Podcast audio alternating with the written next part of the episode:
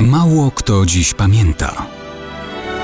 Datownik historyczny prezentuje Maciej Korkuć.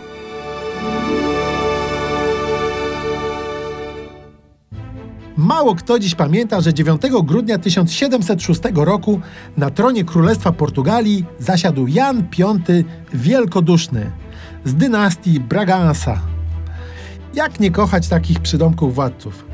Jan V Wielkoduszny był synem Piotra II Spokojnego, a ten z kolei był synem króla Jana IV Szczęśliwego. Jan Wielkoduszny urodził się w roku 1689. Wiele o tytuły monarsze jako portugalski królewicz zabiegać nie musiał. Miał 8 lat, kiedy został wyposażony w godność księcia Brazylii. Jako 17-latek został już oficjalnie pełnoprawnym królem Portugalii i Algarve. Był bardzo religijnym katolikiem. Jego przydomek był też z tym związany. Wielkoduszny był dlatego, że znany był jako fundator licznych budowli i obiektów kościelnych. Przykładem jego donacji było sfinansowanie chociażby barokowego klasztoru w miejscowości Mafra.